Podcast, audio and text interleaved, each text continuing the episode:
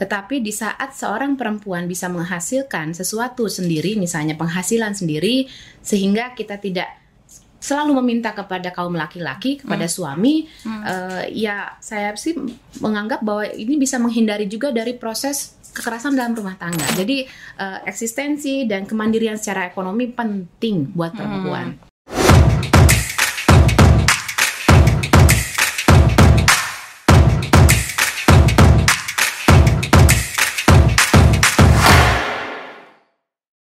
Assalamualaikum warahmatullahi wabarakatuh Sahabat podcast Radar Banten Berjumpa lagi dengan podcast Radar Banten Kali ini bintang tamunya spesial Dan berada di tempat yang spesial banget Siapa? Bisa tebak nggak? Dulu itu eh, Pertama kali terjun di dunia politik tahun 2009 Pertama di DPRD Kota Serang Jadi kenal sama beliau itu Udah cukup lama sekali kan Nah ini perempuannya udah cantik Pinter nyanyi aktif di berbagai organisasi kayaknya 10 jari juga nggak cukup buat eh, ngitung berapa organisasi yang beliau tekuni di depan saya ada Ibu Ade Rosi Hoirunisa Love you. Assalamualaikum Ibu Waalaikumsalam warahmatullahi wabarakatuh. Bahagia banget akhirnya bisa bertemu sama Ibu di sini Iya, alhamdulillah ya jodoh kita hari ini ya. Terima kasih loh udah datang ke kantor saya.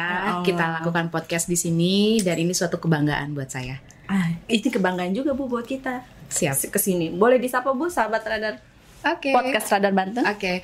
Halo, Assalamualaikum sahabat podcast Radar Banten. Saya dengan Haja Ade Rosia Hernisa, anggota DPR RI dari fraksi Partai Golkar yang sekarang saya sedang bertugas di Komisi 3 eh, dan juga tentunya istri yang tercinta dari AA Wagub Banten. Oh, so sweet.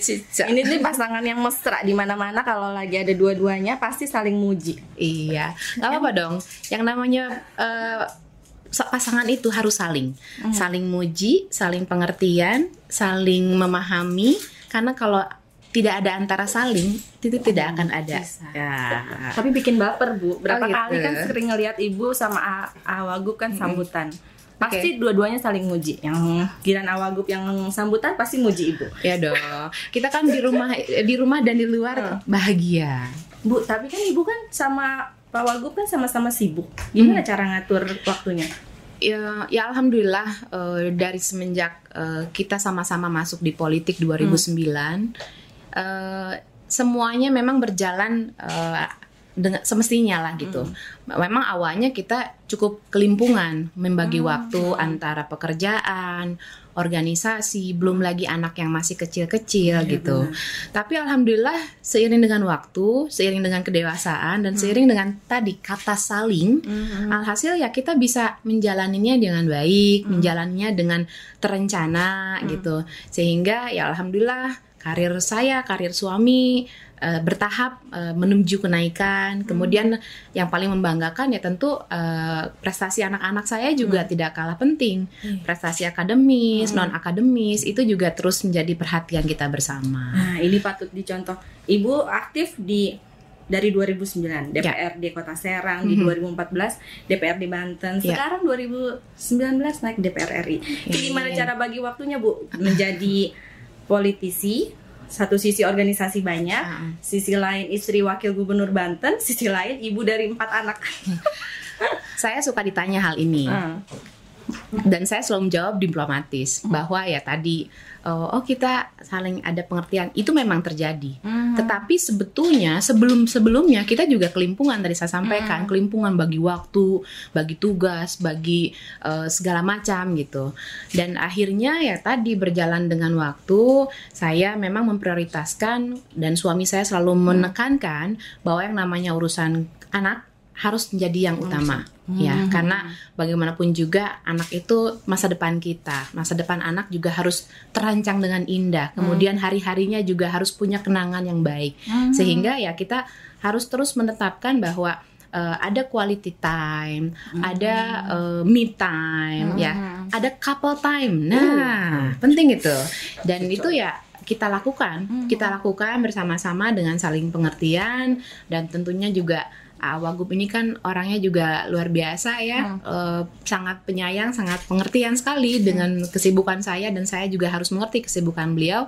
Jadi ya kita bertemulah di tengah-tengah, kita bertemu dan sekarang uh, kesibukan apa pun kita di mana pun ya saling percaya saja, saling percaya dan saling mengerti, saling mengerti ya sehingga tadi anak-anak pun sehingga uh, bisa mencontoh lah apa yang Hmm. dilakukan orang tuanya dan ini terbukti anak saya beberapa anak saya yang sudah dewasa ini uh, senang sekali berorganisasi Hmm. bahkan kalau ditanya nih salah satu anak saya ditanya cita-citanya mau jadi apa mau jadi kayak ibu sama dedi nah loh Tapi kalau pernah dibaca di Instagram ibu ya, eh, anak ibu ngasih surat bahwa apa? The best mom gitu ya segala macam pengen jadi ibu inspirasinya tuh adalah ibunya sendiri. Berarti Iya. saking kagumnya itu sama ibunya. Alhamdulillah berarti menjadi role model yang benar ya Hmm, benar-benar. Alhamdulillah Oh, kalau menjadi perempuan harus seperti itu. Gimana cara ibu sehari-hari eh, bagi waktu pulang nih? Terus eh, berang sebelum berangkat apa saja yang dilakukan tuh? Oke, Eh, misalkan saja hari Hmm. ini. Hari ini eh, saya berangkat dari rumah jam 9. Tetapi eh, saya bangun subuh, sholat subuh, kemudian persiapkan anak-anak saya yang eh, yang dua masih sekolah online. Mhm. Yang tiga, yang tiga masih sekolah online di rumah. Jadi ada yang sekolah mulai jam 7, ada yang sekolah mulai setengah 8, ada yang sekolah mulai jam 8. Nah, khususnya untuk yang anak yang paling kecil karena sekarang sudah sekolahnya eh, ada yang PTM, ada juga yang eh, virtual. Jadi saya dampingin dulu nih anak yang kecil untuk eh, sekolah. Kemudian setelah settle semuanya, setelah beres eh, pamit berangkat kerja dan bertemulah dengan Inah di sini. Pulang biasanya jam berapa tuh bu? Sebelum anak-anak tidur? Oke, pulang memang kalau bicara dunia kerja khususnya di DPR ini kan tidak bisa berbicara 9 to 5. Tidak bisa berbicara office hour. Kadang-kadang kita berangkat lebih pagi, kadang-kadang kita berangkat lebih siang, kadang-kadang pulangnya juga bisa lebih malam atau bisa lebih cepat gitu. Misalnya tadi malam saya sebetulnya baru pulang jam 11 malam dari rapat eh, persiapan atau rapat konsinyering RUU Kejaksaan yang saat ini sedang dibahas di Komisi 3 itu saya rapat dari jam 9 sampai jam 11 dan hari ini ya kegiatan-kegiatan ringan seperti ini eh, sehingga ya sebetulnya sangat mengisi ya sangat mengisi. Jadi satu sisi eh, rapat kebutuhan kantor di eh, DPR RI itu kita lakukan. Kemudian sebelum tadi saya berangkat ke sini juga saya laksanakan kegiatan organisasi di BKOW bersama-sama dengan organisasi perempuan sekota Tangerang Kemudian juga tadi sebelum berangkat ke ruangan ini saya bertemu dengan eh, perwakilan dari Komnas Perempuan karena saat ini eh, di DPR RI khususnya di Badan Legislasi dan kebetulan saya masuk di Badan Legislasi kita sedang membahas RUU Tindak Pidana Kekerasan Seksual. Menarik itu. Nanti kita bahas di podcast selanjutnya. Siap. Oke oke oke. Bu, Ya. kalau bicara soal ibu se- sebenarnya kan sebagai istri wakil gubernur secara ekonomi sudah tercukupi lah. Nah, kenapa ibu memilih menjadi mm, perempuan yang pekerja? Oke, kalau berbicara em, masalah umum, berbicara umumnya ya, bahwa kita sebagai seorang perempuan, tentu yang namanya eksistensi diri itu wajib. Karena dengan adanya kita bisa bereksistensi secara pribadi, tentu yang namanya pride atau harga diri kita ini kan jadi terangkat. Kemudian setelah harga diri kita terangkat, kemudian anak-anak kita mencontoh, oh orang tua saya ternyata orang yang bisa bermanfaat. Orang tua saya orang tua yang berkegiatan, yang bersosial dan bisa memberikan manfaat kepada orang. Itu ada suatu eh, kelebihan lagi. Nah kemudian kelebihan yang lebih besarnya lagi.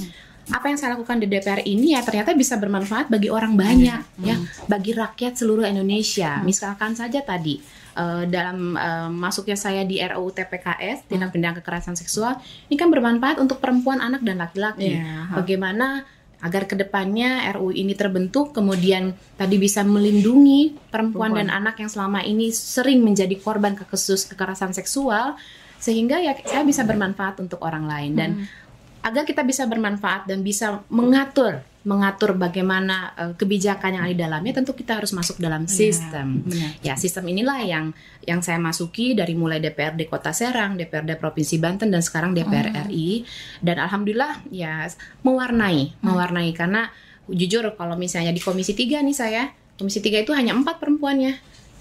Di antara 50 sekian eh, anggota.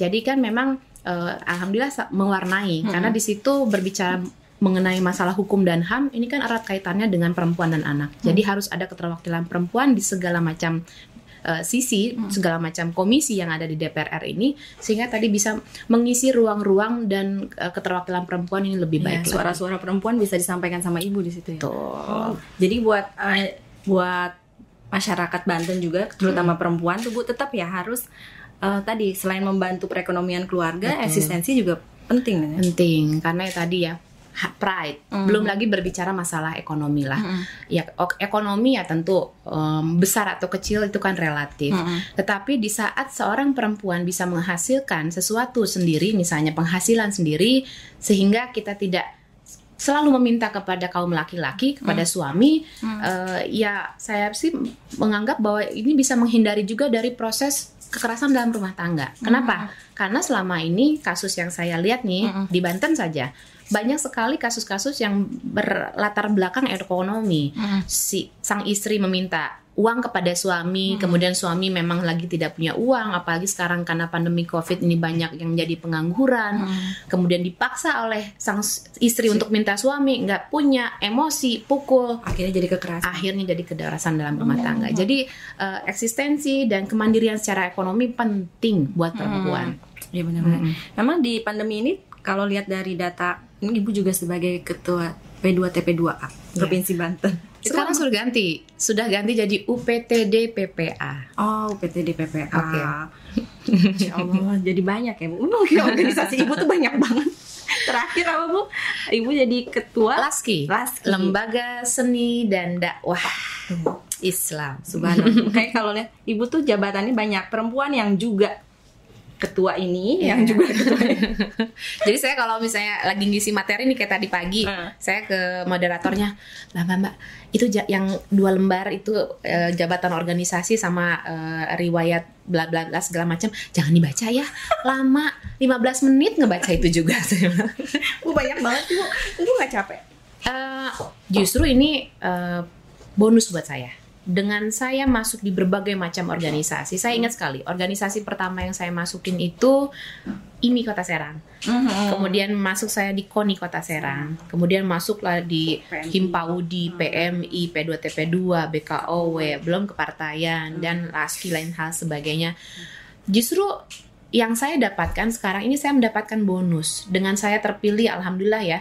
Ya karena eh, ini memang rezeki dari Allah ya saya mendapatkan eh, posisi menjadi anggota DPR RI saat ini itu adalah bonus saya karena melaksanakan kegiatan organisasi.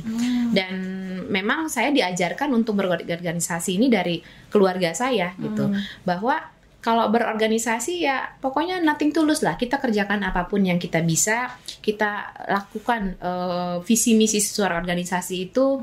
Kita jalankan peraturan organisasi kita jalankan sesuai ADART kita bergaul dengan semua lingkungan dengan semua eh, komponen masyarakat yang ada sehingga ya alhamdulillah bonusnya ya mungkin saya jadi terpilih jadi anggota Hmm, DPR RI iya, benar. gitu. Makanya ya karir politik ibu tuh nanjak bang, nanjaknya tuh mulus gitu ya. Amin, amin. Ada dong rintangan. Yang enggak, maksudnya tet- apa eh, berjenjang tiap itu tuh dan selalu pas. Nah, di sini kita nggak tahu nih ibu mau ke mana nih di Ke hatimu. ya. Ke hatimu. Nah, Bu kalau ngomongin tadi kekerasan eh, terhadap perempuan, Hmm. kan di Banten juga selama pandemi naik ya. Iya, eh, data tadi yang saya dapatkan per eh, Juni 2021 ya, baru per Juni belum sampai bulan November ini ada sekitar 1329 kasus kekerasan terhadap perempuan dan anak. Ini provinsi Banten. Sedangkan kalau di secara nasional data eh, Simponi PPA eh, ini ada dari di, di tahun 2020 saja ada sekitar 13 ribuan. Nah, sedangkan di eh, tahun 2021 ini lebih banyak lagi karena ya tadi ada banyak sekali kekerasan yang berbasis online. Kekerasan-kekerasan eh, yang memang eh, didapatkan dari eh, kepada perempuan dan anak pada saat mereka melaksanakan kegiatan pembelajaran. Karena sekarang belajar secara online.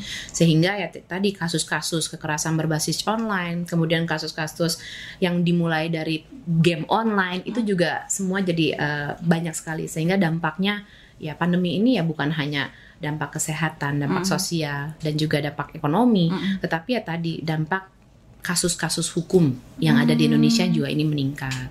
Bu kalau sebagai istri Wagub pernah uh, menyampaikan ke Pak Wagub terkait itu tadi uh, dukungan terhadap perempuan supaya kasus kekerasan di Banten juga nggak semakin meningkat Oh, gitu. selalu, selalu.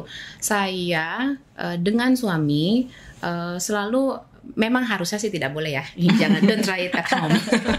Jadi Pasti saya diskusi gitu ya diskusinya. seharusnya memang yang namanya pekerjaan itu dibicarakan di ruang kerja. Hmm. Tetapi karena tadi ya, karena kita terkendala waktu, Hmm. kadang-kadang kan bertemunya mu- di malam hari, Hmm. kemudian di rumah saat memang saat lelah. Tapi memang ini adalah suatu hal yang harus disampaikan Hmm. karena bentuknya berupa aspirasi dari masyarakat yang disampaikan ke saya untuk disampaikan ke suami saya. Hmm. Jadi saya eh, sampaikan informasi itu kapan pun di rumah gitu. Mhm. ya terkait tadi misalnya urusan program yang yang belum berjalan secara maksimal kepada masyarakat. Urusan juga kasus-kasus terhadap perempuan. Urusan juga bagaimana pelatihan-pelatihan ke- kepada perempuan ini penting tadi demi Hmm. bagaimana menunjang eh, kemampuan dan kapabilitas seorang perempuan. Ini saya selalu sampaikan kepada suami saya Hmm. dan alhamdulillah ya suami saya langsung respon. Kadang-kadang kemarin jam 11 malam tuh melopon kepala dinas karena Hmm. saya ada laporan jadi ya pola kerja seperti ini sih alhamdulillah ya Hmm. saya mensyukurinya bahwa eh, responsif suami saya Hmm. sangat responsif sekali terhadap apa yang dibutuhkan oleh masyarakat Hmm, Kalau di Pemprov sendiri Bu memandangnya selama ini sudah eh, keberpihakan terhadap perempuannya seperti apa? ya ya tentu eh, pertama dengan adanya dinas DP3 KKB Hmm. yang saat ini ya Hmm. yang saat ini eh, melaksanakan kegiatan sering dengan saya kemudian juga dengan adanya eh, perda pe- apa pengarus utamaan Hmm. gender kemudian juga perda-perda yang mendukung adanya eh, keberpihakan eh, masyarakat dan pun pemerintah kepada perempuan ya saya melihat ini sudah cukup baik. Tinggal saja aplikasi terkait adanya perda tersebut eh, ini harus dijalankan dengan baik tapi eh, dengan adanya berkali-kalinya pemerintah provinsi Banten mendapatkan anugerah para Hita Eka Praya Hmm, ya APE iya. ini ini ya menjadi eh, apa ya menjadi hasil yang luar biasa bahwa program pemerintah dalam mencapai tadi eh, kualitas eh, bagi kualitas hidup bagi perempuan dan anak di provinsi Banten ini sudah berjalan dengan Hmm. baik. Tinggal ya tentu saja namanya juga masyarakat ya Hmm. dinamika kebutuhan masyarakat ini kan bertambah. Hmm. Oleh karena itu ya harus terus ditambah lagi di- Hmm. be- dengan program-program yang lebih ya lebih eh, apa kreatif, Hmm. kemudian program-program yang lebih aplikatif, yang lebih bermanfaat bagi masyarakat. Semoga bisa diwujudkan Bu ke depannya oleh Pak Wagub dan Pak Gubernur Banten. Amin. Oke. Demikian kebersamaan kita dengan Bu Ade Rosi Hoirunisa nggak kerasa Bu ya. Pengennya malah lama sama Ibu. Cepet banget. Tapi ibunya kan sudah mau ada kegiatan lain. Oke, yang pasti kita harus sering-sering ngobrol Harus kayak sering-sering begini, ngobrol. karena banyak banget yang ingin saya sampaikan buat masyarakat Banten lewat podcast Radar Banten. Ah, Oke, terima kasih eh, atas kebersamaan kita dan jangan lupa like, subscribe dan komen di bawah ini. Oke, assalamualaikum warahmatullahi wabarakatuh. Waalaikumsalam warahmatullahi wabarakatuh.